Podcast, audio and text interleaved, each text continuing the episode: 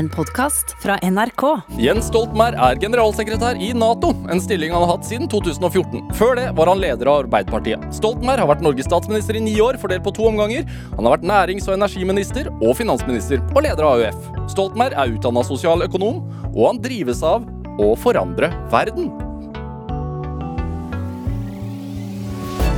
Dette er Drivkraft med Vegard Larsen i NRK P2. Jens Stoltenberg, varmt velkommen til Drivkraft. Tusen hjertelig takk. Det er stor glede å være her. Hvordan har du det? Jeg har det eh, bra, jeg sånn rent personlig. Jeg har hatt eh, ferie eh, i Norge og syns det er alltid hyggelig å være her. Men det er jo en dramatisk tid, både med pandemi og med den forferdelige ulykken i Gjerdrum. Så det er, jo, det er jo mye å være urolig for, også ved inngangen til dette året her. Er det sånn når du har de posisjonene du har nå, men også har hatt, at du alltid må tenke på liksom de, Sånn som nå, nå spør jeg hvordan har du det? Personlig har jeg det bra, men i verden brenner det, eller rundt oss brenner det. Så derfor så har jeg det ikke så bra likevel. Er det, er det litt sånn? Jeg føler i hvert fall at det, det kan ikke være sånn hemningsløst glad. eh, jeg, har i hvert fall med meg den uroen som ligger der ute med alle de store, alvorlige tingene vi konfronteres med. Og i Norge er det spesielt også fordi eh, året ble innledet med en eh, veldig grusom ulykke. Um, men ute i verden så er det jo selvfølgelig veldig mange ting det er um, viktig å være oppmerksom på, urolig for. Samtidig er jo mitt budskap i politikken det er at ting går framover. Altså det går utrolig bra, egentlig, sammenlignet med hvordan det var i verden for 20 år siden, 30 år siden, 50 år siden, så er det veldig mye bedre å være menneske i dag enn eh, den gangen. Så Glemmer vi det litt? ja. Jeg mener, Det har kommet litt mer fram de senere årene, kanskje, men i veldig mange år så var det bare oppmerksomhet om elendigheten og det som gikk gal vei. Og det er jo fortsatt ting som, er, eh, som går i gal retning. Eh, klimaendringer f.eks. Men, men grunnleggende sett så går verden framover. Eh? Antall mennesker som har kommet seg ut av fattigdom, eh, barnedødelighet Kanskje det sterkeste målet på om folk har det bra eller ikke, er om ungene deres overlever. Det, barnedødeligheten har gått kraftig ned i verden. Levealderen går opp. Mange flere kan lese og skrive. Eh, Veldig mange miljøproblemer er løst. Så, så samlet sett så er det fantastisk eh, det som har skjedd i verden de siste tiårene. Og veldig mange flere mennesker lever eh, gode, eh, ordentlige liv. Er, er du en optimist?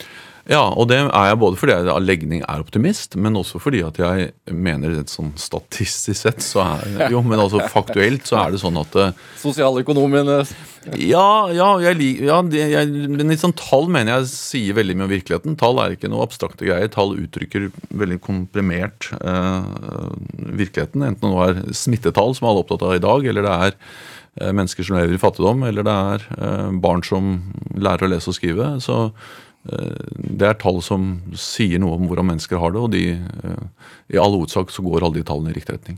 Ja. Så det er ikke noe Men du er ikke en fyr som bekymrer deg så mye, kanskje? Jeg er litt usikker på hva jeg skal svare på det spørsmålet. fordi jeg er sånn Jeg, jeg er ganske sånn Jeg er ganske lett til sinns, tror jeg. Eh, og, og jeg plystrer og jeg nynner. Jeg nynner kontinuerlig, og det er som en sånn katt som maler. Og folk lurer på hva det er når de hører meg i korridorene. mm, Det er ikke melodi, det er bare en sånn lyd. Så jeg, gjennomgående så tror jeg er et, eh, et lett eh, til sinns menneske, ikke veldig eh, deprimert eller trist. Men jeg er jo bekymra, og jeg er liksom betalt for å være bekymra. Eh, er, og en ting er de tingene som jeg alltid har vært opptatt av, sånn som Altså sånn som Klimaspørsmål, eh, klima, global oppvarming, det, det er noe vi vet har gått i gal retning i mange år. Statistikken er ikke så god der. Nei, den er ikke det. Så tror jeg det er mulig å løse det problemet òg, men hittil har det gått i gal retning. Um, Mongstad, for eksempel. ja, ja, altså, ja, mange ting som ikke har gått sånn som det skulle. Men, men, uh, men det som jeg nå i min nye jobb er urolig for, det er egentlig at vi lever i det noen har kalt dyp fred. At vi tar fred som så selvsagt at vi glemmer at spesielt i vår del av verden, i Europa, så har krig på en måte vært normalen. Og jeg bor i Brussel, og der er det mange ting å oppleve. Men annet har jeg begynt med noe jeg aldri drømte om at jeg skulle gjøre, og det er å besøke slagmarker. Så jeg er på Rett utenfor Brussel er det en slagmann som heter Ypres, som er fra første verdenskrig. Den mest brutale eh, krigføringen. Første gang de brukte kjemiske våpen, var der. Det er Ardennerslagene, som er rett ved Brussel. Eh, Det er eh, Arnhem. Det er disse store slagmarkene i Frankrike, som er et par-tre timers kjøring. Så og, og da ser du hvor nært krig har vært, hvor brutalt det har vært, og hvor normalt det har vært i Europas historie. Og, og jeg er litt redd for at vi kan glemme det, fordi vi nå har levd i eh, mer enn 70 år i fred, en veldig lang fredsperiode.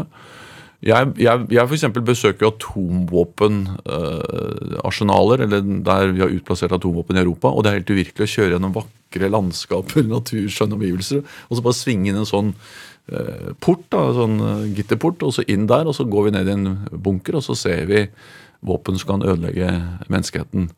Midt i liksom, vår hverdag. Uh, og litt uh, er det sånn, sånn 70-80-tall, sånn kald krig-greie. Det er noe, blir satt tilbake i tid, men de er jo der i dag.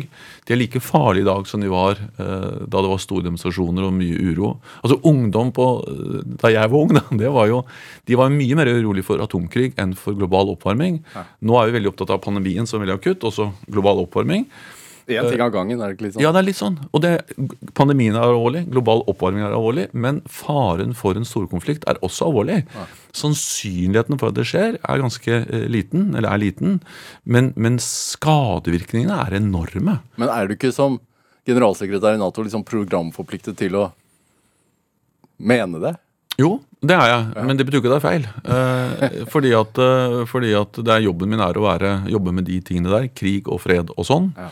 Uh, og det er faktisk ganske viktig, og det er jo også viktig for alle andre spørsmål. For, ja, for helse, for kampen mot klimaendringene, alt det andre. Hvis vi ikke greier å holde fred, så greier vi veldig lite annet. Går, unnskyld at jeg avbryter, men, ja. men, du er en mann som prater. Ja. Uh, hvordan, hva går gjennom hodet ditt når du står ved siden av et atomstridshode?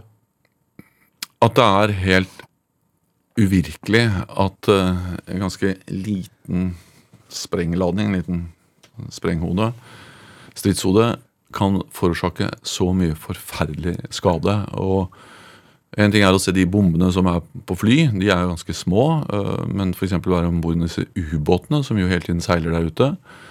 Og som Hele poenget at man ikke skal vite helt hvor det er, og som har vanvittig ødeleggelseskraft. Øh, de har flere raketter, og på hver rakett så er det flere stridshoder som kan styres til ulike steder. Uh, og sprengladninger som er mange ganger Hiroshima-bomben. Um, og da På det skipet, eller på den ubåten, så er det uh, en ødeleggelseskraft som, som, vi ikke kan forestille oss. Og igjen, For å sammenligne med klimaendringene det er, det, det, er en, det er, en, skade vi vet kommer til å skje. Det blir global oppvarming. Det vi jobber med, er å begrense skadevirkningene og, og gjøre den så liten som mulig. Atomkrig det er sånn at Vi må ikke begrense skadevirkningen, vi må unngå at det skjer. altså Det er viktig at overhodet at det ikke blir noe av det. Ja. Eh, men hvis det skjer, så er det veldig lite vi kan gjøre for å begrense skadevirkninger. Og da tenker jeg på det grusomme, og tenker at vi kanskje har glemt litt hvor At den faren fortsatt er der. Men er det ikke noe sånn at nå i, i februar at det skal reforhandles en avtale om antall stridshoder i, i, i, verden? 1550 på hver side, eller et eller annet sånt? Jo. Altså det, der er noe av poenget at det, Jeg begynte med å si at det meste går i riktig retning, og det, det står jeg ved. Men når det gjelder atomnedrustning, så går det i gal retning. Fordi gjennom 60-, 70-, 80-tallet og fram til faktisk 2010, med eh, Obama som lagde en avtale med Sovjetunionen, så har vi redusert antallet atomvåpen i verden kraftig. Uh, og nå, den siste avtalen innebar at vi gikk fra altså, flere enn 10 000, eller 10 000 på hver side av de langtrekkene, ned til 1550 eh, atomstridshoder på hver side, russisk-amerikansk side. Og Det er rekordlavt. og det er klart Med færre atomvåpen er det også mindre risiko for at en konflikt blir en uh, atomkonflikt, og målet var å bli kvitt alle våpnene. Uh, det som har skjedd for to år siden, var at en avtale som forbød alle mellomdistansevåpen, altså de våpnene som er i Europa, uh, den, altså den, den, brøt sammen fordi Russland utplasserte nye atomvåpen. og Dermed er ikke den avtalen der. For første gang fra siden 80-tallet så har vi nå ingen avtale som, som regulerer antallet mellomdistansevåpen i Europa. Det kommer flere av dem nå. Hvorfor er det skummelt? Fordi de våpnene er lettere at bli tatt i bruk i en konflikt. Eh, de er veldig mobile, de er veldig vanskelig å, eh, å vite hvor det er. Eh, de kan bare nå mål i Europa, så ideen var liksom at man kunne ha en begrenset atomkrig i Europa, ikke involvere USA. Og dermed er terskelen for å utløse en atomkrig lavere. Eh, og de har veldig kort varslingstid. Det er bare noen minutter fra de måtte bli fyrt av, til de når mål i Europa. Så faren for at de blir brukt i noe som først er en konvensjonell konflikt med vanlige våpen, men at da man snubler ut i en atomkonflikt, den er mye større med de våpnene. Derfor er de Alle atomvåpen er farlige, men disse er på en måte ekstra farlige. Men den avtalen sluttet å eksistere. Den er ikke der lenger, så nå kommer det nye sånne våpen. Eh, det andre som skjer, er at om få uker så utløper den eneste store gjenværende avtalen, eh, startavtalen, eh, som begrenser altså antall langtrekkende våpen. Nå tror jeg Joe Biden, nye amerikanske presidenten i USA, kommer til å være ganske opptatt av å forlenge den. Eh, men det sier jo litt da, at det er nesten ingenting oppmerksomhet rundt at vi er noen uker fra å stå uten noen som helst avtale om begrenset antall atomvåpen, og det er første gang siden 70-tallet. Har du forandret mening om atomvåpen i løpet av ditt voksne liv? Um, ja, det tror jeg. Uh, altså jeg måtte tenke meg litt om, for det, det, er ingen tvil om at da jeg var med i AUF på 70-tallet, så var jeg på en måte Jeg var var bare mot atomvåpen. Jeg er fortsatt mot atomvåpen. Jeg er faktisk eh, mer bekymra nå enn jeg var kanskje for 10-20 år siden. Eh, mer opptatt av det, i hvert fall. Um, men jeg har nok blitt mer eh, Hvis jeg har forandret mening på noe, så er det kanskje at jeg, så er det at jeg er blitt mer opptatt av at det eneste måten å bli kvitt atomvåpen på, er å få til gjensidig nedrustning. Ja. Vi kan ikke fjerne alle våre våpen uten at motparten fjerner sine våpen. Hvis vi ender i en verden der Nato uh, avskaffer alle sine atomvåpen, men Russland, Kina, Iran, Nord-Korea har våpen, så blir ikke det en tryggere verden, det blir en utryggere verden. Ja, Det er en dårlig deal for Nato. Jeg mener det. Ja, det vil jeg skjønne. Så Godt nytt år, dere. Nå vi startet bare med å snakke om frykten for atomkrig. Uh, men er det, er det litt som det er med klima? At det er så masseødeleggende. Det er så, så, så, stort at man ikke orker å ta noe stilling til det. altså Derfor det ikke får noe særlig fokus, sånn som du sier. Men for det, får, altså, det får jo fokus, Nå får klima veldig mye fokus, og derfor begynner det å skje ting på klimaområdet. Ja, Og det er jo veldig bra. Uh, uh, og, og ikke sant, det var mange, altså, Fattigdom i verden som har vært et stort problem, og som er et problem. Det har vi, har, vi har bekjempet i en enormt omfang. Et stort framskritt. Eh, jeg er veldig trygg på at vi kommer til å bekjempe pandemien med enorm mobilisering mot den. Og jeg er også ganske optimist altså når det gjelder klimaendringene, selv om det kommer til å påføre oss mye smerte i mange år. Eh, fordi det kommer til å bli noe klimaendringer. Hva slags smerte, tror du?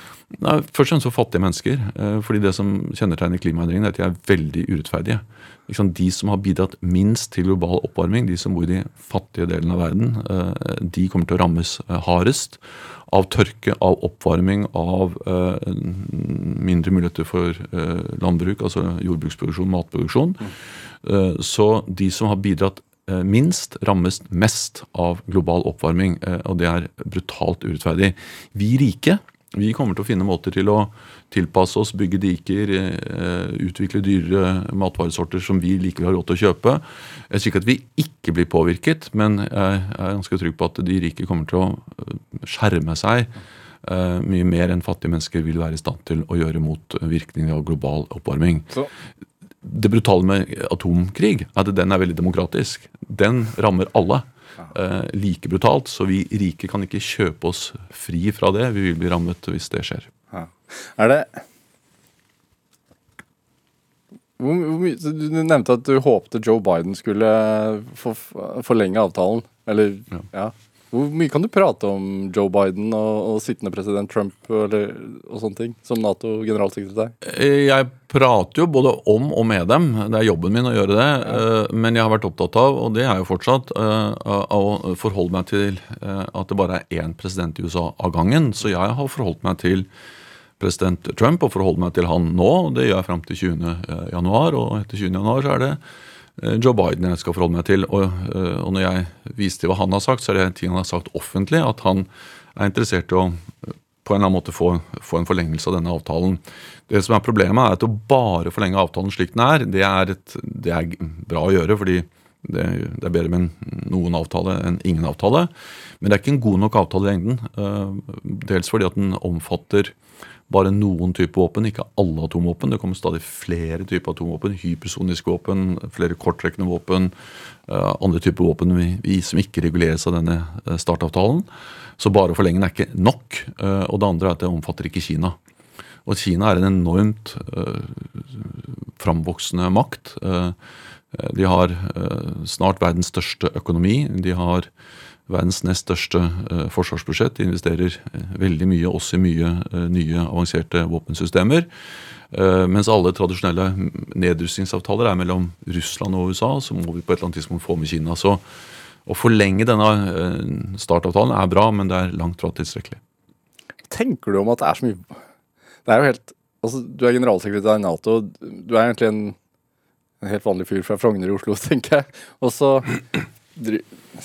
drar du og sjekker ut hvor, hvordan ståa er med atomstripshodene, og har hele tiden møter med statsledere Donald Trump, Ang- Angela Merkel, som jeg vet du skal besøke seinere denne uka. Eh, snakker om Kina nå. Og, og, har du forandret syn på hvordan verden fungerer etter at du ble generalsekretær i Nato? Grunnleggende sett tror jeg svaret på det er nei. Men eh, jeg må ta et forbehold, og det er at, eh, det, er at eh, det, Jeg har forstått hva skal jeg si, enda dypere egentlig at det er det samme. altså. Enten du diskuterer lokalpolitikk i Oslo, eller du diskuterer nasjonale spørsmål i Norge, eh, i regjeringen, eller, eller internasjonale spørsmål. Det handler om å finne løsninger eh, på kompliserte problemer og greie å avveie hensyn og, og få til noen form for kompromisser. Det er jo noe jeg har lært veldig mye av faren min. ikke sant? Han hyllet jo kompromisset mm. som på en måte det reneste og det vakreste. Han, jo, jo, de, Mange av oss ser på kompromisset litt sånn utvanna Da taper begge sider litt. ja, dvaske greier liksom og Ja. eh, skal bare stå fast. Og det er klart Noen ganger så må man stå fast og ikke eh, gi seg. Men veldig ofte så er det å være villig til å bøye seg litt, til å jenke seg litt, til å finne en mellomvei, det er det eneste uh, måten å få til en løsning på. Den eneste måten å unngå uh, krig, krig og konflikt på. Det er jo de uforsonlige uh, som skaper konflikt. og jeg er veldig redd for fundamentalister, uansett hva de er fundamentalister i forhold til. Eh, og igjen, faren min han husker jeg Jeg ble jo kritisert for at jeg var konfliktsky. Og han var jo Han forsvarte meg ett og alt, så han greide å utvikle et resonnement om at konfliktsky det var egentlig det beste man kunne være i verden. For det var altfor mange konfliktsøkende mennesker. Vi hadde for mye konflikt i verden. Så, så den ideen om å liksom Altså det er en balanse der òg. Du kan gå for langt, men det å liksom finne ting som kan fungere, eh, eh, og som ikke eh, skaper mer konflikt og, og, og kriser, det er det vi driver med lokalt og nasjonalt, og, og som jeg nå har fått glede av å jobbe med internasjonalt. Hvilke egenskaper skal til for å være en fyr som er glad i å inngå kompromisser? Kompromisser? Ja, Det er tror jeg å se det vakre i dem. da, Og se at det å forene ulike hensyn øh, Og no, Noen kompromisser er jo sånn at du møtes på halvveien. Men, men de fineste kompromissene er at vi finner på noe helt nytt. Noe som på en måte er annerledes. Som ikke er midt mellom ditt og mitt standpunkt, men som er et tredje ting. Tese, øh, antitese og syntese, som vi lærte i på noen studiesykler i AF. Men, øh, men, øh, men øh, se vakkerheten i det, men også se at det er det som over tid gir resultater. Hele den norske modellen er veldig mye kompromiss mellom arbeid og kapital, samarbeid mellom partene i arbeidslivet. Eh, Så, så selv om det kan være slitsomt, og jeg har vært med på mange av disse kompromissene og forhandlet og sånn, så er det i hvert fall sammenlignet med veldig mange andre samfunn der det er mye mer konfrontasjon, mye mindre eh, forsoning, mye mindre evne til å til å finne løsninger, så skal vi være glad for at i Norge, og da det vi også prøver å få til internasjonalt, er villige til å finne eh, løsninger. Fordi når man ser på politiske debatter i dag, så er det Det som slår meg da, er jo at dette er folk som er i en debatt. De er ikke villige til å inngå kompromisser.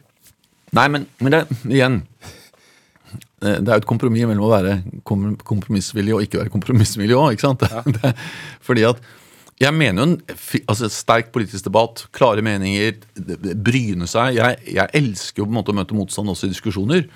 Altså både, Hvorfor det? Hvorfor det? Nei, for da, da, det er ingenting som forbedrer meg mer i min tenkning, i min, i min uh, forståelse. Og enten justere standpunktet mitt, og det håper jeg gjør- når jeg skjønner at jeg har feil. Eh, eller så blir jeg i hvert fall bedre til å skjønne hvorfor jeg mener det jeg mener, fordi jeg må argumentere for det, bli utfordret på det. Så det å ha sterke meninger, sterke debatter, eh, sånn åpen meningsutrykning, ytringsfrihet, det er viktig at man tør å bruke det. Men, men så kommer det også et punkt hvor man da, kanskje med det man har diskutert med, skal skape et flertall for et eller annet. Få til et eller annet. Og ikke bare mene noe om verden, men også gjøre noe med verden. Og da må man mer enn det der litt sånn eh, grumsete farvannet som heter sånn litt sånn eh, Ja, få til kompromisser. Det, altså hvis, Nasjonalt syns jeg vi er ganske gode på det i Norge. Internasjonalt er problemet at vi har for altfor lite kompromisser. Vi har altfor mye nasjonal selvråderett i negativ forstand. Alle land bare står på sitt. Og dermed får vi til altfor lite. Hvorfor er det sånn, tror du? Fordi nasjonalstater er veldig redde for å, for å gi seg. Eh, Det er, en, det, er, det er veldig lett å appellere til eh, altså, eh, nasjonal stolthet, identitet. Mitt land er bedre enn en, en ditt land. Mine interesser kan ikke kompromisse med dine interesser. I, i, I et land så det er lettere å oppleve en felles, at vi har en felles interesse. Det er det i hvert fall tradisjonelt vært vanskelig å få til internasjonalt. Så har det jo, ikke minst etter annen verdenskrig, forsøkt å bygge institusjoner for å unngå det. Eh, FN er jo det. Eh, forsøk på å finne kompromisser. Eh, EU er det, og Nato er det. Det er tre sånne store institusjoner som er bygget eh, for å hindre krig, og for å dempe nasjonalstatenes evne og mulighet til å bare dure fram sterkestes. Og i en usikker tid som vi lever i nå, så mener jeg det er ekstra viktig at vi har sterke internasjonale institusjoner. Så om vi kan så føler jeg at det å ha Nato, eksempel, som jeg driver med, er enda viktigere nå enn det var før, nettopp fordi vi lever i mer usikkerhet. Den usikkerheten bidrar den også til at nasjonalstatene ønsker å bli mer sterke? Altså, eller bli mer eh, selvsentrerte, holdt jeg på å si? Historisk har det i hvert fall ofte vært ut eh, etter, etter eh, noe både land og mennesker har gjort usikre. At de har blitt mer mistenksomme, mer redde for å, for å samarbeide, for å, for å gå sammen. Og vi ser jo litt tendenser til det nå.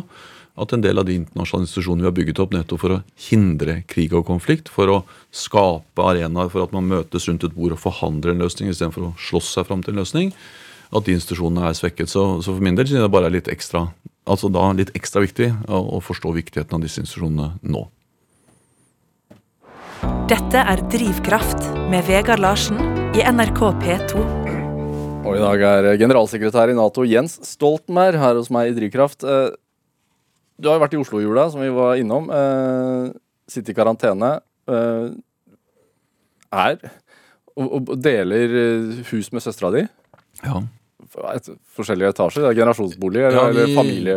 Ja, vi kjøpte et hus sammen uh, i 1990, var det vel, kanskje 91, uh, begynnelsen av 90-tallet. Og uh, der har vi bodd siden. da, Hun i annen etasje med, med sin familie. altså Mannen hennes og barna. De har etter hvert flyttet hjemmefra.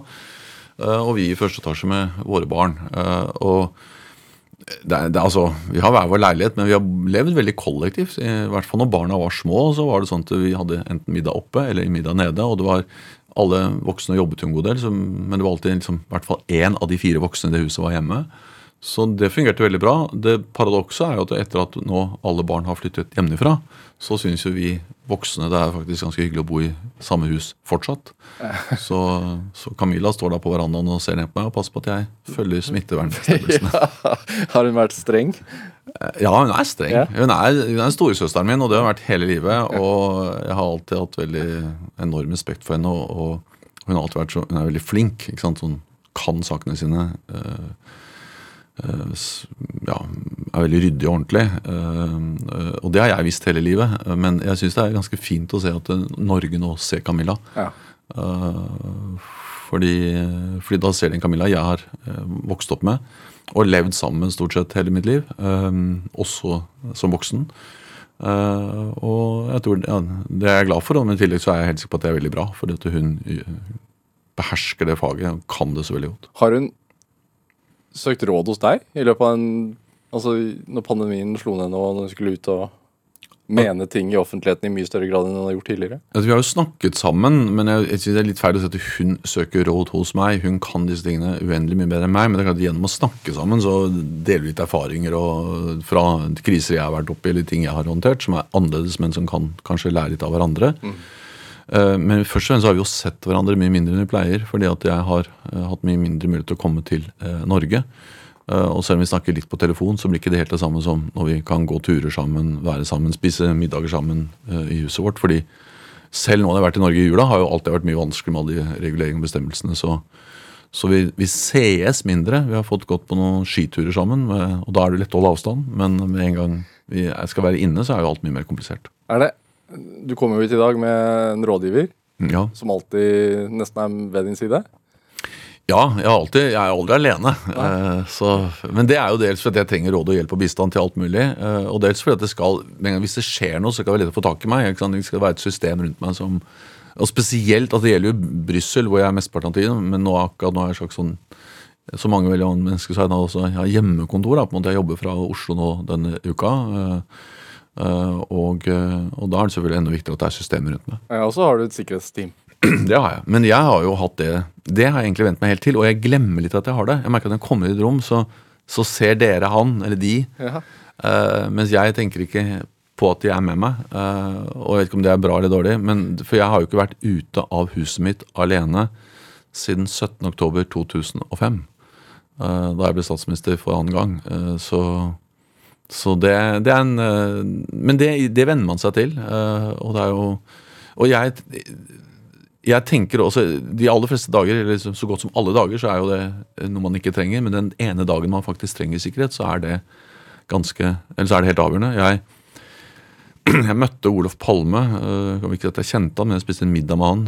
Jeg var AUF-leder og var i Stockholm og spiste middag med han noen måneder før han ble drept. Og det gjorde enormt inntrykk på meg at et menneske hadde sett i live, ble, ble drept. og Anna Lind, den svenske utenriksministeren som ble knivstukket i 2003, var en virkelig nær venn. Vi liksom var sammen, hun i eh, altså svenske AUF og jeg i AUF. og Vi var statsråder omtrent samtidig, og vi var, eh, fikk barn omtrent samtidig. Så vi levde veldig parallelle liv og hadde det veldig hyggelig sammen. Og, og plutselig en morgen så eh, fikk jeg beskjed om at hun var knivstukket og drept. Og så eh, selvfølgelig 22. juli. Så, så de aller aller, aller fleste dager så er jo sikkerhet helt unødvendig for mennesker som, som meg. Men så er det den, den gangen det gjelder. Det er som sikkerhetsbelte i bil. Du kan jo stort sett kjøre uten sikkerhetsbelte, men det er veldig lurt å ha det den dagen du trenger det. Hva gjør det med deg når du eh, Palme, da var du jo veldig ung, men, men, men, men med Anna Lind så var, var det jo mm. i politikken. Hva gjør det med deg eh, i forhold til det valget du har gjort? Altså, blir du redd da? Eller? Nei. Eh, først så har, tror jeg ikke det påvirket mitt valg av at jeg valgte å være i politikken overhodet. Um, um, altså den, da Palme ble drept, så var jeg leder av AUF. Jeg var, husker jeg var i bisettelsen. Uh, og han var på en måte en, en sant, sterk skikk- lederskikkelse som veldig mange beundret. Og det var jo litt uskylden som ble tatt av Norden, fra Norden da en sittende statsminister ble drept på åpen gate. Um, men jeg har personlig ikke følt, følt redsel. Det er kanskje fordi jeg ikke kan forestille meg eh, Selv om jeg har opplevd det på, på en måte i litt ulike måter på nært hold, så, så har jeg ikke vært redd. Eh, og så har jeg den sikkerheten rundt meg. Eh, altså det er jo, det er jo sant, Alle sentrale norske politikere, men også mm, internasjonalt, selvfølgelig, og, og opplever jo masse trusler på, på internett og i brevs form og sånn. men Dels så tenker man at det ikke er så alvorlig, og dels så tenker i hvert fall jeg, som er heldig å ha beskyttelse, at det tar de seg av som skal passe på meg. De vurderer alt med sikkerhet. Når vi reiser til Irak, Afghanistan, er det jo vanvittig med sikkerhet. Men igjen, jeg føler meg trygg der, for jeg tenker at de som er profesjonelle, som tar ansvar for det, de vet hva som må gjøres for å, for å trygge meg. Det som vi har sett, er jo sant, at terror altså Antall mennesker som dør i væpnede konflikter, går ned. Men antall mennesker som har dødd i terror, har de senere årene gått opp. Og, eh, og det brutale der er at nettopp fordi øvrighetspersoner, maktpersoner, er beskyttet, så skjer jo de angrepene nå mot helt uskyldige mennesker. Eh, Eller journalister eller andre som ikke har beskyttelse. og Det er ganske alvorlig. Er det Det er et nødvendig onde, mann. Og det, og, det må jo være noe sånn at du Du mener det du mener så sterkt at, at det er verdt det. Jeg mener det jeg mener så sterkt uh, at jeg syns det er veldig meningsfylt uh, å få lov til å være med på å forandre verden. Og verden eh, lar seg forandre. Verden blir et bedre sted. Og uh, det å få lov til å være en liten brikke av det, det, det er det mest meningsfylte jeg kan drive med. Og det er det som driver meg. Den gleden av å få lov til å være med på å gjøre verden til et bedre sted. Ja. Og, og, og altså, det er jo ikke det, er ikke det er ikke trusler som har vært eh, det, det som har gjort hvis jeg har vært i tvil at jeg føler at dette er farlig, for det føler jeg faktisk at det ikke er. Og det statistisk sett så er det heller ikke veldig farlig, selv om det har vært attentater mot politikere. Eh, men det er mer det. Hardt arbeid, mye helger. eh, mye sånn Når du tror du skal ha fri, så må du plutselig på jobb, for det skjer noe. Um, selvfølgelig perioder uh, hvor det har vært mye sånn hardkjør i mediene mot ting jeg har gjort feil eller mislyktes med og sånn. Men sånn sett over tid så angrer jeg ikke et sekund på det. Uh, jeg hadde jo tenkt å gjøre noe helt annet i livet. Jeg hadde jo tenkt å bli forsker. Det var liksom det som var planen. Ett år. Ja, altså jeg greide vel å være i statistisk sentralbyrå nesten i to år, tror jeg. Men, eh, men, eh, men, eh, men, det var mer altså jeg, jeg, skjønte jo altså, Det er jo Torbjørn Berntsen som ringer meg høsten 1990 og sier død, Gro har sagt at jeg gjerne vil ha deg som statssekretær. Ja. Og dermed ender jeg som statssekretær hos, altså hos Torbjørn Berntsen i Miljøverndepartementet. Etter at jeg prøvde å bli forsker i Statistisk sentralbyrå. Jeg har formelt sett fortsatt en permisjon fra forskningsavdelingen i Statistisk sentralbyrå. Eh, fordi det var et yrkesvalg jeg da eh, gjorde eh, og prøvde å, å bli. Men da jeg valgte politikken etter at Tore Berntsen ringte og jobbet med miljø i noen år, så jeg har ikke angret ett sekund på det. Men, men, var det fordi at du ble for utålmodig? Ja, det tror jeg. Det var det at jeg, men jeg, altså jeg har enorm respekt for forskning. Altså jeg, det, ser jo igjen pandemien og hva forskere kan gjøre med vaksiner eller eller var hvordan vi håndterte finanskrise og andre kriser fordi økonomifaget har gitt oss bedre redskaper til hvordan vi holder arbeidsløsheten nede og holder folk i jobb og mange andre ting. Så jeg har enorm respekt for forskning på, mange, eller på alle områder. Eh, og skulle gjerne vært en strålende forsker selv. Og det, hvis det er noe jeg angrer på, så er det at jeg, at jeg valgte politikken som jeg ikke angrer på. Så at jeg betalte den prisen at jeg aldri fikk bli forskeren. Men du får ikke bestemme noe som forsker? Nei, men du får lagt utrolig mye premisser, og så tror jeg det å være på forskningsfronten, som er et sånn flott begrep, at liksom du er der dytter menneskets erkjennelse videre, det er en fantastisk eh, ting. Men jeg husker det, jeg opplevde at jeg var så langt fra forskningsfronten der jeg satt på kontoret mitt og tenkte at jeg måtte liksom holde pusten, være, være, under vann i mange år liksom, før jeg dukket opp den andre enden av dette forskningsarbeidet og kom fram til noe som var meningsfylt og, og, og brakte verden videre. Ja. Så, så, da, Berntsen, da jeg ble spurt om å komme tilbake i politikken, så jeg, tok det meg bare sekunder for å svare ja, fordi jeg opp, visste at min, mitt, mitt, hjerte var mer på det å gjøre, delta, eh, mindre enn å analysere eh, og forske. Ja. Når var det du skjønte det? da? Jeg skjønte egentlig det sekundet Torbjørn Berntsen ringte. Altså, for jeg hadde jo gjort et veldig aktivt valg. Jeg, var jo AUF-leder, og så sluttet jeg med det. Gjorde ferdig eksamene mine. Eh, ble forsker. Eh, og så var det litt tørt, men jeg sa til meg selv at dette er det jeg vil. Jeg må bare stå på litt, vise litt selvdisiplin og ikke, og ikke bli frustrert av at dataene ikke stemmer helt eller ting mm. fungerer helt. Men da jeg fikk, da jeg fikk liksom tilbud om å komme tilbake, så, så, skjønte jeg med en gang at det var egentlig hjernen hadde overstyrt hjertet. Og at jeg skulle lytte til hjertet, og hjertet var politikken. Og, og ja, så har jeg da fortsatt med det. Når i livet var det du skjønte at hjertet, altså politikken og at Politikken lå hjertet nærmest? Nei, det er den høsten 1990. Det var det? Var ja, ja, ja, altså, altså jeg, jeg, jeg, jeg så, Som AUF-leder, det var jo, bare noe du gjorde? Nei, ja, men altså, Det var noe jeg gjorde, men da var jeg jo Det var ikke et yrkesvalg. ikke sant? Det, det, det, gjorde jeg ved siden av skolegang og studier, og så ble jeg etter hvert ansatt som AUF-leder, men det var en sånn midlertidig jobb. Det var bare litt rann, tenkte jeg. Så jeg hadde ikke tenkt at det, det hadde ikke blitt profesjonell politiker.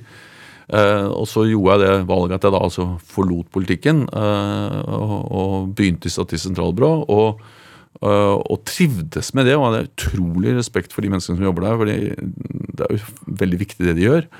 Ehm, eh, men, men, da den muligheten til å gå tilbake igjen i politikk, og da på heltid, så sa jeg jo til meg selv og kona mi og alle at det var bare for et par-tre år, så skulle jeg tilbake til forskning. Ja, altså Ingrid, kona mi, skulle jo flytte til Budapest på den, den høsten. Hun gjorde vel det også? Ja, hun gjorde det òg. Og jeg hadde til og med skaffet meg sånn eh, plass og noe finansiering på universitetet i Budapest. Eh, det er en veldig kjent eh, professor der som heter Kornhai, som er en økonomimann som hadde altså, som var i Østerrike på det tidspunktet, men likevel en, det, er et anerkjent miljø der som jeg skulle, skulle da være, skrive doktorgrad. Om miljøøkonomi, faktisk. Om energi og utslipp. Var det litt sånn at nå var det hennes tur? Ja, det var litt eh, det var Jeg hadde lovet henne at jeg skulle være med henne ut. Ja. Eh, og hun skulle få lov til å starte på sitt uh, yrkesliv i UD uh, som ung diplomat da i Budapest. Og det er rett etter Berlinmurens fall. Det er, veldig, det er fortsatt veldig Øst-Europa i Budapest på det tidspunktet der. Og så sier jeg ja til den jobben i, nei, i Miljøverndepartementet og, og lover Ingrid at det, i løpet av et års tid skal jeg komme. Bare sånn ett eller to år. Men jeg har jo vært i politikken siden, så det er et løfte jeg har ikke holdt. Brutt, ja. ja. Det var vanskelig å si da, at det er et løfte du har brutt. Jeg holdt på å si 'ikke holdt'. for ja. at jeg tenkte jeg hørtes mindre brutalt ut. Ja. Men så sa du 'brutt', og så kom jeg til, skjønte at det er det riktige ordet. Er det Hvor mye lærer man, hvor mye terper man på sånne ting at man må ikke si løfte som er brutt. Det er fy-fy politi. Jeg har ikke terpet så mye på det, men jeg tror at du lærer deg du lærer deg, og det var et veldig avslørende og dårlig eksempel for meg, eh, eh, eh, fordi du lærer deg en eller annen sånn teknikk, bevisst eller ubevisst, eh, om å prøve å la være å bruke ord som kan bli brukt mot deg senere. Uh, og det, det, er, det forstår jeg at politikere gjør, fordi at uh, de har jo opplevd de har, at liksom de sier noe som kan være hyggelig og fungere i en sammenheng, Ja. uh, men som da kan bli brukt mot deg i en annen sammenheng, og derfor er du redd for å på en måte snakke for fritt, da. Ja, og Derfor så blir det jo også politikerlingo som jo kan få kritikk for å være for utydelig. Ja, for det er tydelig, og for sånn eh, nei, nei, liksom for safe. Altså du, du, du blir for lite klart. eh, Ja, utydelig. Og blir veldig, ja, Ja. og blir veldig flink til å svare noe på noe annet enn det man Ja, spør om. Men, men så mener jeg at sånn som i hvert fall denne samtalen her, så har jeg ingenting å, å frykte. Og jeg har ikke noe problem med å si at jeg har brutt det løftet. Eh, Så det, er bare, det, er bare, det, er bare, det, det blir en uvane du holder ved like. Ja. Eh, Så sånn så det er greit å prøve å kvitte seg med den uvanen. Men det jeg tenker på Altså, du nevnte jo faren din. Du vokste jo opp i et, et hjem eh, med eh, veldig engasjerte foreldre. Ja. Eh, hvor mye var de hjemme i oppveksten din? Ja, de reiste jo mye og jobbet mye, men jeg husker dem så veldig til stede. Eh, Så, så selv om de kanskje i antall timer var en god del borte, så, så har ikke jeg en opplevelse av en oppvekst uten foreldre. Eh, Så, men, og, de, og, de, og de, har jo, sant, de har vært veldig viktige for meg, som jo de fleste foreldre er. Eh, eh, Men også i forhold til mitt, mitt politiske liv, mitt yrkesliv. Eh, De drev aldri med sånn de, aldri, drev aldri sånn og messet om at du måtte bli opptatt av politikk. De, var, de var ikke sånne mennesker. Men gjennom det de gjorde og det de sa, så åpnet de en verden eh, som jeg syntes var spennende. Hva, hva, hva da? Hva sa, hva sa du? Det startet jo på en måte med at de gjorde politikk til noe veldig sånn fascinerende. Eh, Rundt, rundt middagsbordet hjemme, liksom? Ja, altså Vi har vokst opp med en veldig politisk familie hvor, hvor eh, mor og far, Karin og Thorvald, eh, alltid Dels så snakket de mye om det selv, samfunn.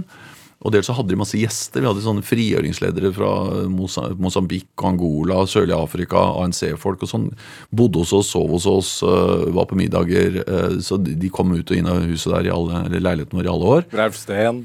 Ja, ja, ja, ja norske politikere også, selvfølgelig. Men, altså, men, var, men han var en norsk politiker. Men var, de som kom fra det store utland, var, var sånn, kom fra eksempel Kampen mot apartheid i Sør-Afrika var, var, i Norge som flyktninger og sånn. De var ekstra spennende å møte og høre om, da. Hvor gammel var du da?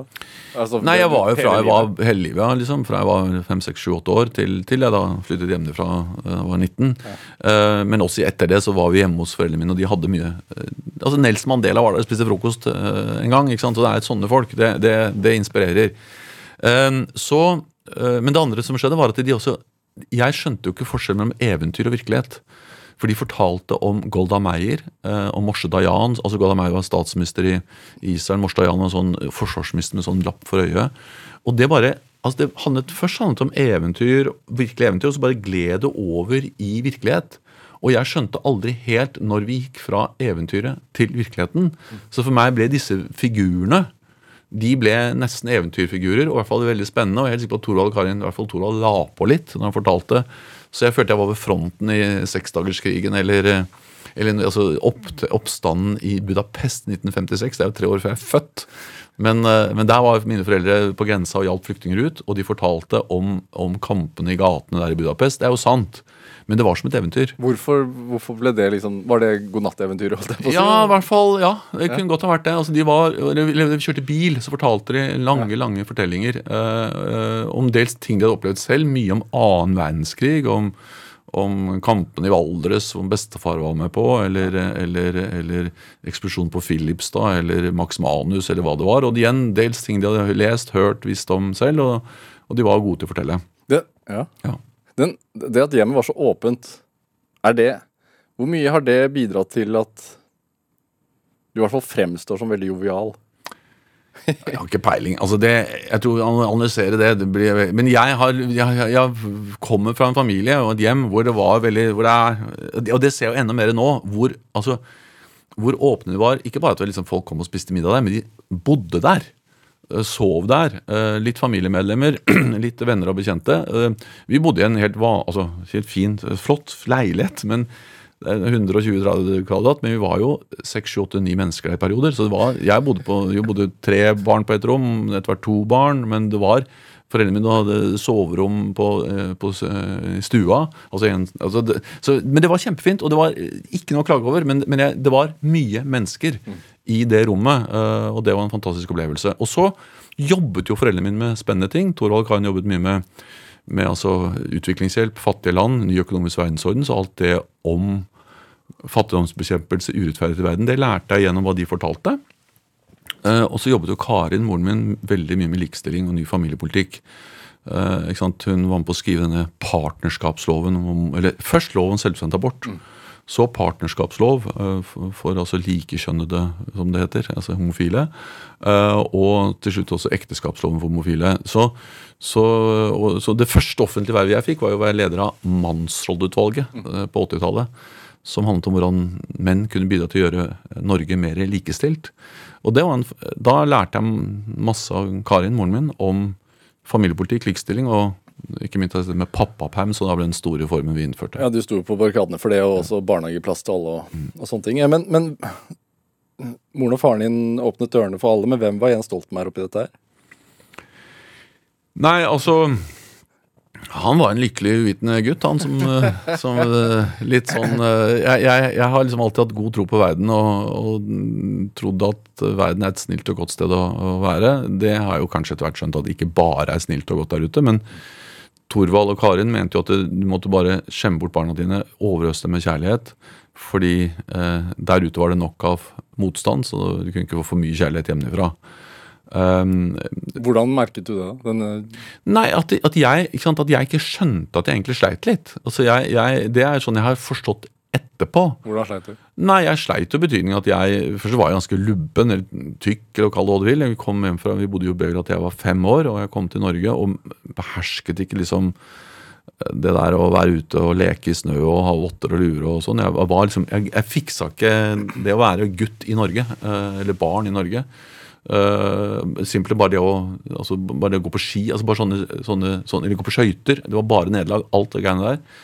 Uh, fikk det ikke til, kunne ikke. Uh, Hvor, og så- ja. men hvordan var det, da? Nei, det, altså jeg tror det Jeg husker det ikke så ille. Jeg bare trakk meg tilbake. Uh, men fra utsida så tror jeg det må ha sett litt trist ut. En litt sånn hjelpeløs gutt som slet litt. Og så stammet jeg. Kunne jo ikke snakke. Ja. gjør det litt ennå, gjør du ikke? Jo, altså jeg hører selv at jeg kan stamme, eller at jeg, at, at jeg kan bare sånn, eh, hakke litt liksom før et ord kommer. Eh, Jeg trodde kanskje ikke andre ikke hørte det, men jeg eh, hører det. At det nå er sånn, Jeg tror det er feil å kalle det stamming, altså, det er det garantert. Men, men, men jeg stammet uh, uh, som barn. Uh, og så slet jeg veldig med å lese og skrive. Men jeg gikk jo på Sternskolen, og det var en sant, de, de sa til mine foreldre han kommer til å lære å lese og skrive når han føler for det og er moden for det. Og så lærte det, så lærte jeg det, men det, jeg begynte sent. Hva var, var, det sent? Fjerde, Fjerdeklasse-ish, eller noe sånt omtrent. Men altså det, det var jo foreldrene mine som i all hovedsak lærte meg å lese og skrive. eh, I hvert fall lese. For mm, de leste Jeg leste liksom en halvside, og så leste de resten av kapitlet. Og så leste jeg etter hvert en side eller to, og så leste de resten av kapitlet. Så jeg, jeg det, det, Men jeg brukte veldig lang tid på det. Uh, uh, og øh, Men igjen, altså det, det, igjen har Camilla har jo nå laget en offentlig utredning om dette med kjønnsforskjeller i skolen. Og at det, faktisk mange gutter er bare mindre utviklet. Mm. Har mindre evne til å lære Altså, de, de, de tar det igjen, men de er eldre når de uh, får evne til å tilegne seg den type uh, boklig kunnskap. Uh, og jeg var nok, uh, Camilla bruker ofte meg som eksempel da, på sånne, sånne gutter som kan slite i en periode. men så fikse det seinere, hvis de bare får lov til det og ikke blir på en måte ødelagt i de årene de henger etter. Og jeg hang etter en god del år. og så Pga. Sternskolen, pga. foreldrene mine, pga. flaks, andre ting, så, så, så ble jeg ikke liksom uh, så ble jeg ikke værende der, eh, men greide å komme meg inn igjen og lære meg eh, fag og skole. Ja. hva tenker du om det i voksen alder, da? At, du, at det tok så lang tid?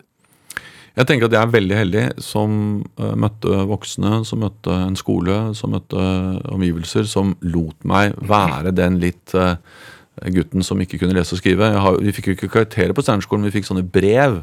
Og jeg har jo et av brevene der hvor det står et eller annet at Jens eh, er en fantastisk snill gutt. Han er veldig flink med eh, farger og form, eh, håndarbeid og sløyd. Og han er eh, eh, så til stede når vi spiller teater. Jeg var veldig opptatt av teater. Men de boklige fag, eh, som lesing, skriving og regning, vil nok Jens aldri beherske. Og det, er, og det skjønner jeg godt at han læreren skrev, da. eh, Christian Smith i, når er det, sånn 1970, par og 70. Um, uh, Det gikk greit. det, ja, det, det paradokset er at matematikk ble mitt spesialfag. liksom, Statistikk og matematikk. Vurderte å bli doktor.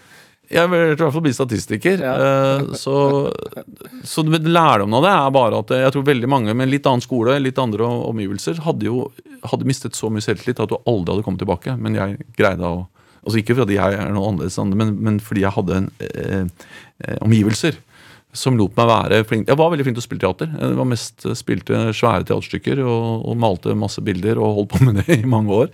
Og så når jeg først begynte å lese og skrive, så begynte jeg å lese og skrive eh, med entusiasme, og ikke minst eh, matematikken. Men er det Du nevnte så vidt at du alltid har med deg sikkerhetsteam og en rådgiver og sånne ting. Men det, du trives ikke aleine? Nei. Det, det, nei. Jeg det kan godt være alene noen ganger lite grann, men jeg er Hva er, hva er lite grann? Nei, det tror jeg egentlig bare et kvarters tid, halvtime. Så jeg er ikke noe Jeg, er ikke noe glad, jeg liker å være sammen Jeg er veldig glad i mennesker. Eh, Men jeg har jo nå vært tvunget til å være mye alene nede i Brussel der. Eh, Kona mi Ingrid har vært i hvert fall i perioder i Norge. eh, Og, og da har jeg i hvert fall i helgene og sånn, for jeg reiser mindre òg, så har jeg vært mye mer alene hvert noen gang i mitt liv. Og da har jeg eh, begynt å høre litt på lydbøker og, og sånne ting når jeg har hatt mer fri, eller i hvert fall tid i helgene. Um, og det er greit, men jeg syns det er hyggelig å være sammen med folk. Hvorfor tror du det er sånn? Jeg tror vi mennesker, i hvert fall de aller fleste mennesker, er veldig sosiale dyr. Eh, liksom, sammen med andre jeg, jeg har det bra, jeg opplever ting, lærer ting. Eh, og, og, og det er jo det som vi alle preges av denne pandemitiden, at vi er mye mindre sammen. Eh, at liksom det å møte et menneske er liksom en potensiell en smittekilde, ikke et menneske du går og klemmer. Eh, Det liker du ikke. Nei, jeg, jeg, som, veldig, som alle andre mennesker, tror jeg, så tror jeg vi savner den nærheten og den, det at det er lett å være sosial og lett å være sammen og sitte tett og Men må du prate med folk, eller holder det bare å være sammen i samme rom, eller? Nei, jeg tror jeg ofte prater, men det er jo mye familie. Og så er det uh, Fordi det, det har jeg inntrykk av Stoltenberg-familien, som jo er blitt en veldig offentlig familie, ja. veldig familiekjær. Ja, men det, det er jo kanskje fordi vi, altså, ikke sant? Jeg tror veldig mange andre familier er familiekjære, og veldig mange andre familier er, er åpne og har masse mennesker på besøk og, og sånn, men forskjellen er at Stoltenberg-familien er en som du sier, en offentlig familie som står om dette i avisene, så det er mer allment kjent. Hvordan er det?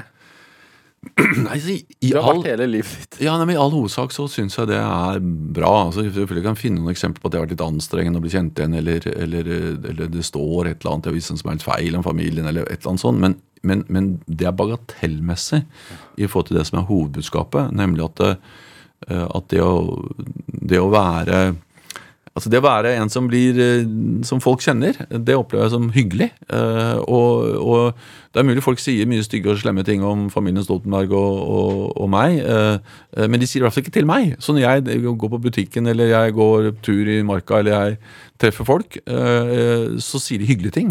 Og, og vi har jo også opplevd ikke sant, litt altså, Søsteren min døde i i 2014. Moren min døde for noen år siden. Faren min døde i 2018. eh, eh, og, og, og paradokset er jo at fordi vi har vært en offentlig familie på ulike måter, så har vi også opplevd veldig, opplevd veldig mye støtte og varme fra alle.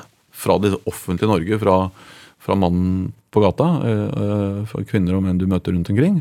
Så, og det har vært varmende. Det har vært hyggelig. Det er ikke noe negativt. Så igjen skulle bisatte Torvald, faren min, og det, den enorme liksom, sympatien vi fikk fra veldig mange mennesker, som skyldes at han var offentlig, vi var offentlig, det er ikke negativt. Det er, det er positivt. I hvert fall opplevde jeg det slik.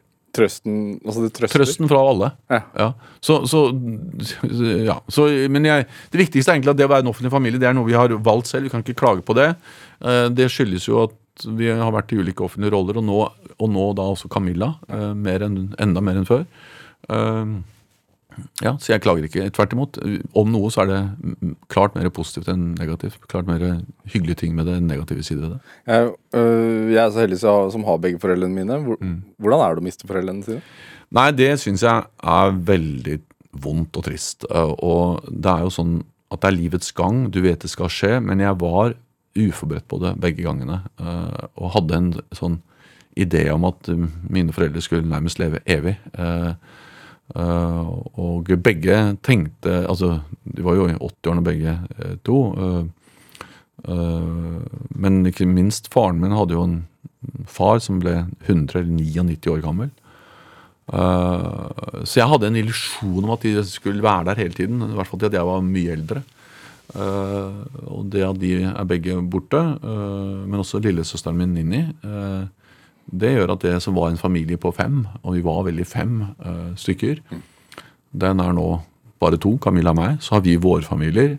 Men den opprinnelige kjernefamilien jeg kom fra, den, den er noe helt annet enn den eh, alltid var. Og det, det er eh, det er vemodig, det er, det er vondt. øh, øh, men det er jo noe som alle mennesker opplever, eller så godt som alle mennesker opplever, at deres foreldre øh, dør. Det er livets gang, men det er likevel det er likevel, det er likevel øh, trist.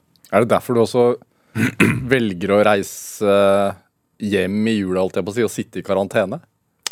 Ja, men det er fordi jeg er så glad i Norge. Jeg er glad i, jeg er glad i ja, all den familien. Jeg, altså vi har jo søsteren min, men hennes familie, svigermor, eh, er mye annen familie her i, i Norge. Jeg har eh, også barn her, sånn at eh, det er naturlig å dra hit. eh, og da får vi heller sitte i karantene, og det er greit nok. Så håper jeg at etter hvert så kan jeg reise til Norge mer som normalt igjen og slippe så mange dager i karantene. Ja. Ehm, det får vi håpe alle sammen, holdt jeg på å si. Det, det, du skal være Nato-leder i to år til.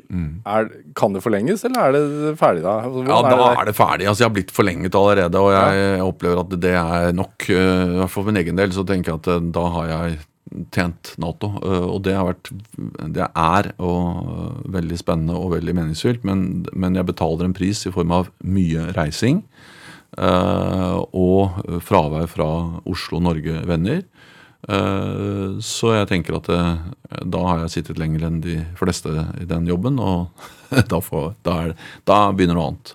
Hva er det, da? Nei, det aner jeg ikke, men min erfaring er at eh, Det tør du ikke å si her, si. Nei, men, altså, men uansett så er det bare at det, min erfaring er at det er veldig lurt å konsentrere seg om den har, Å og være til stede der 101, eh, 100% og så, og så eh, er erfaringen min at det så skjer det noe, eh, og så får vi se. Men det er jo ja, fordi sånn var det jo sist for deg også. Du var leder av Arbeiderpartiet, og så ringte Angela Merkel deg, holdt jeg på å si, og, si, og spurte, spurte vel nesten så å si om du var interessert. Mm. Altså, du hadde jo verdens mektigste valgkampapparat.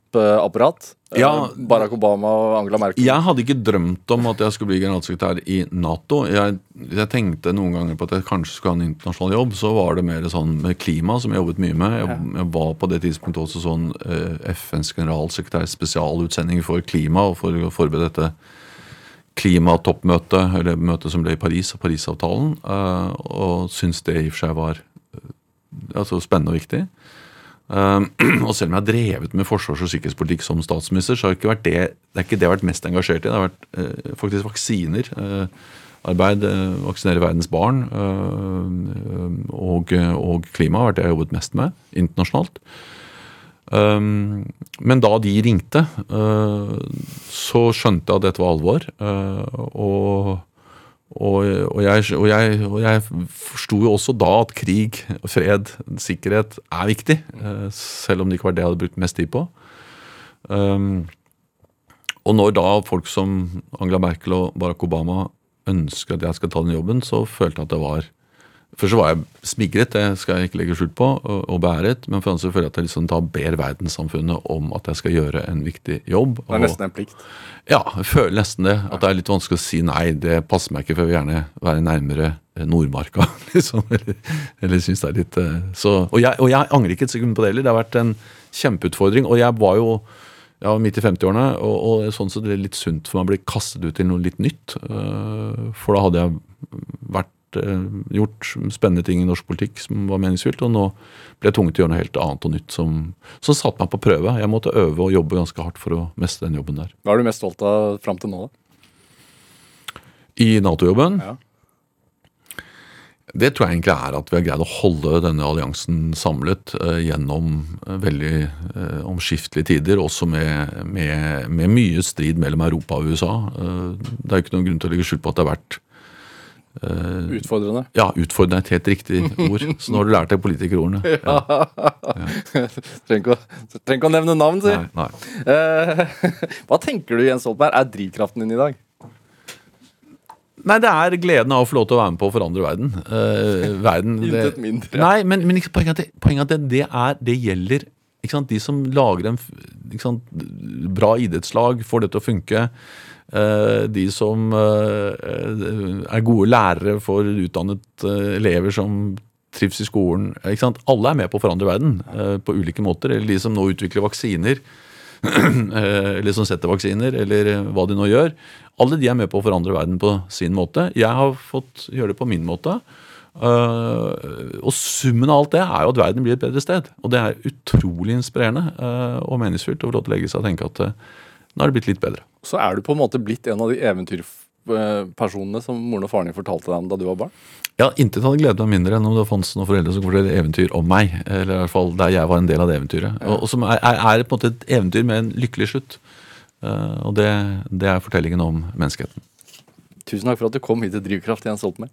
Tusen takk for at du hadde med. Godt nytt år. Takk i like måte.